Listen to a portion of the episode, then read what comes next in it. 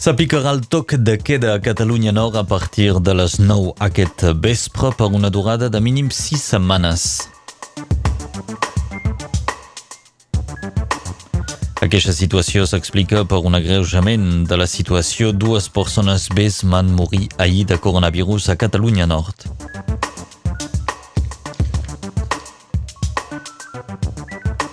Continua la tensió entre l'Ajuntament de Perpinyà i el Consell Departamental per l'hotel La Cigala de Perpinyà.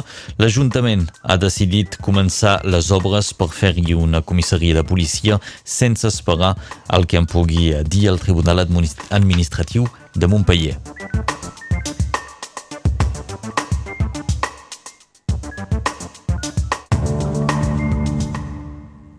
A partir d'aquesta nit s'aplicarà el toc de queda a Catalunya Nord. Serà vigent de les 9 del vespre fins a les 6 de la matinada durant un mínim de 6 setmanes.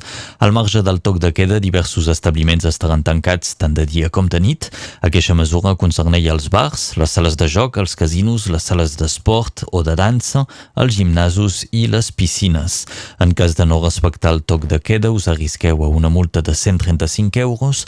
En casos excepcionals, com ara per anar a treballar, per visitar un metge o fins i tot per passejar el ca, entre altres, doncs, podreu eh, tenir un paper, una autorització, com va ser el cas ja durant el confinament. Aquesta doncs, seria una manera de poder sortir en el moment del toc de queda sense arriscar la multa de 135 euros i l'aplicació d'aquell toc de queda s'explica per un agreujament de la situació sanitària al departament.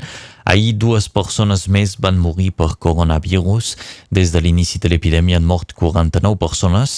A Catalunya Nord actualment la incidència és de 266 casos positius per cada 100.000 habitants. 13% de les proves de Covid-19 són positives i la Fira de Sant Martí, que havia començat a instal·lar-se a Perpinyà, ha estat finalment anul·lada. És un cop dur pels firaires que esperaven poder obrir durant el dia abans que s'apliqui aquest toc de queda. Els firaires amenacen d'organitzar accions de protesta i de bloquejar Perpinyà. D'altra banda, també s'ha anul·lat el mercat de Nadal del Barcarès, que cada any rep la visita de 20.000 persones al dia i un impacte també sobre el món de l'esport, als estadis en particular, que només podran rebre 1.000 persones durant els partits, decepció pels dracs i per l'USAP, que ja pateixen de l'anul·lació de diversos partits, però abans que s'apliqui aquell tot de queda, l'USAP jugarà avui a Emegiral contra Montalban, un maig que començarà a les 7 de la tarda. I a l'estat espanyol ahir es van reunir el ministre de Salut i les autonomies per estudiar diferents opcions per frenar l'epidèmia. Després de dues hores de reunió, Ministeri i autonomies han ajornat la decisió sobre l'aplicació del toc de queda. Segons el ministre espanyol de Salut, la decisió no ha estat prou madura i encara no hi ha un consens ampli i qui es planteja seriosament aplicar un toc de queda a les nits és el País Valencià. La Generalitat Valenciana estudia una resolució que permeti aplicar aquell toc de queda des de les 12 de la nit fins a les 6 del matí. La mesura estaria vigent fins al 9 de desembre, segons ha anunciat aquell dijous el president valencià Ximo Puig. A Radio Arrels tanquem una setmana de commemoració de l'Aigat del 40. A la nostra pàgina web podreu trobar una sèrie d'entrevistes i de cròniques sobre aquest esdeveniment climàtic excepcional que va tenir lloc entre els dies 16 i 20 d'octubre del 1940. Les pluges torrencials van deixar registres històrics. Oficialment en un sol dia, el 17 d'octubre, va caure 840 mil·límetres de pluja, un rècord de precipitació en aquell moment, però segons les mesures que va prendre un mestre de senyorens de Cerdans, el senyor Guillaume Guillaume Julià, durant els cinc dies de precipitacions va caure 1.930 mil·límetres de pluja, 1.000 mil·límetres només per al sol dia del 17 d'octubre. La pregunta que ens fem avui és quan podria tornar a passar un esdeveniment climàtic com aquell? És una pregunta que hem fet a l'observador meteorològic i especialista de l'aigat del 40, Jordi Zapata. Es fan estimacions dels períodes de retorn, per dir d'una manera s'estudien tots els episodis que tinguem que hagin estat enregistrats a temps històrics, des de l'edat mitjana, eh, perquè tenim doncs, accés al coneixement d'aquestes situacions amb pregàries que es feien a, a les esglésies, als pobles, les parròquies. Llavors tot això es fa una cronologia i es fan aquestes estimacions de períodes de retorn. Els períodes de retorns d'aquesta quantitat tan elevada com tenim als anys 40 és de 500 anys. És una, una estimació que està feta, diguéssim, per estudis cronològics. Ara bé, sempre és com les estadístiques poden moure's tant una mica més amunt o com una mica més avall, com ser, com trencar-se. Per tant, això seria una, una estimació de període de retorn d'una situació semblant a aquesta de Sant Lluc. Uns 500 anys, o sigui que tenim unes quantes generacions per esperar.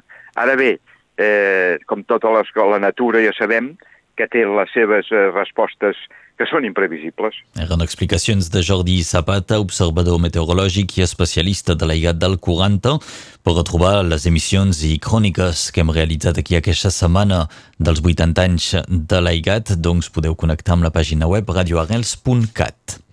A la resta de l'actualitat us parlem de l'Ajuntament de Perpinyà que ha començat unes obres de renovació de l'hotel La Cigala per fer-hi una comissaria de policia. Aquest hotel és motiu de tensions entre la municipalitat i el Consell Departamental que hi vol fer un centre d'acolliment per menors no acompanyats.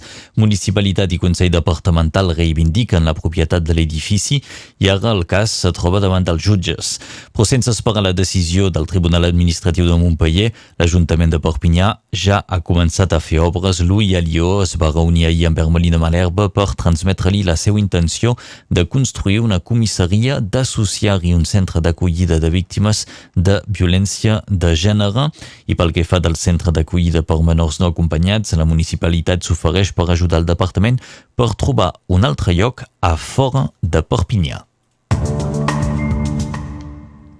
Als Estats Units, el director del Servei d'Intel·ligència Nacional, John Radcliffe, ha alertat que l'Iran i Rússia han obtingut informació de votants nord-americans i que els seus respectius governs estan tractant d'interferir en les eleccions presidencials del proper 3 de novembre.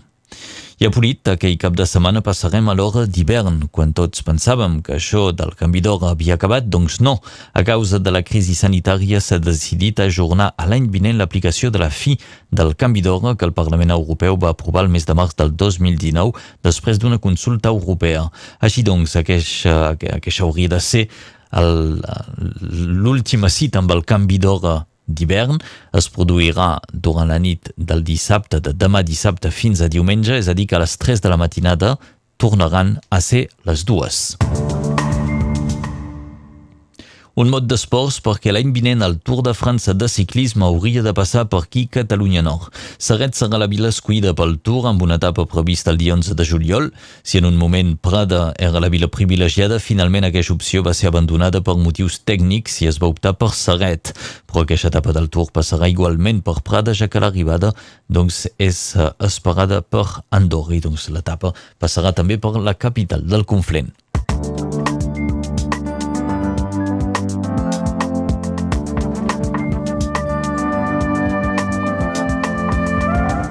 Descobrim la previsió del temps amb l'Enric Balaguer.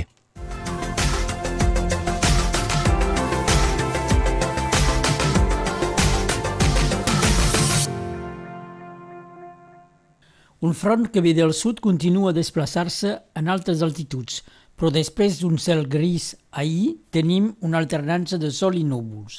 No hauria de durar gaire. El cel és carregat a la tarda amb un ambient elèctric i núvols que poden produir temporals. Normalment només passen, però una forta nuvolositat es col·loca als relleus i descarrega algunes pluges. Les temperatures són dolces, 18 a l'esquerdes, 21 a Parres Tortes, 20 a Castellnou, 22 a Salelles i a Surreda, 21 a Portvendres, valors iguals al conjunt del Vallespí amb 17 a Reiners i a Pres de Molló, igual al Baix Conflent a Rigardà, 13 a Mantet, 11 a Ió i als Angles. El sol es pondrà a Òpol 6 minuts abans de les 7 del vespre. És el primer quart de lluna creixent, és el moment de collir abans les gelades, els raïm, les peres, les figues i també les carbasses i els cocombres. El 23 d'octubre de 1844 neix l'actriu Sarah Bernard. Un dia com avui, el 1977, el president de la Generalitat de Catalunya, Josep Tarradellas, arriba a l'aeroport de Barcelona procedent de l'exili. Una de les seves citacions famoses tots volien el meu retorn a condició que no tornés. A Arla, avui és el dia de la vinguda dels Sants. Arles és el dia de la vinguda dels Sants. Fan la processó de les relíquies de Sant Senent i Sant Abdon.